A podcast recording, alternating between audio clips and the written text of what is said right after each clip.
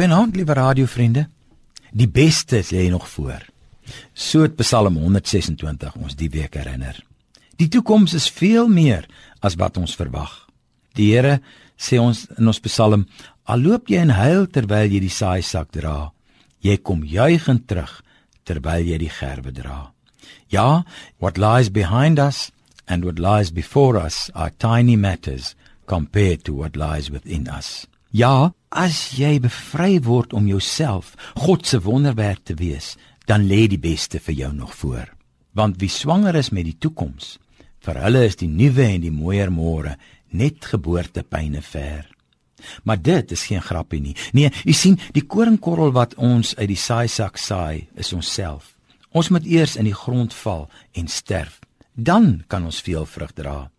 Dan word die gerwe juigend teruggedra sien ons hier vir kans om te sterf vir die mooier môre, om te kan omkom as ons moet, om in die vuuroond en in die leeukuil te staan. Positief gesê, om God se droom te glo dat môre mooier as gister sal wees, om huise te bou en kinders te hê en landerye aan te lê en vir die land te bid en te werk, om aktief te werk aan die koms van die mooier môre. Is jy bang? Wel ek is bang, want ons is dan ook in goeie geselskap. Op die donderdag aand voor die goeie Vrydag het Jesus se sweet soos bloeddruppels geword toe hy die enigste koringkorrel in God se hand was. Die koringkorrel wat op die donker Vrydag in die grond moes val en sterf. Maar hy het saam gesing. Here, toe U die lot van Sion verander het, was dit soos 'n droom. Ja, die Here Jesus het toe groot dinge vir ons gedoen.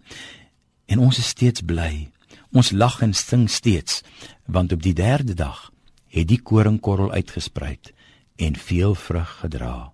Daarom kom ons sit onsself ook as koringkorrels in God se saaisak wat hy al huilende en in antisisipasie in Suid-Afrika mag saai. Amen.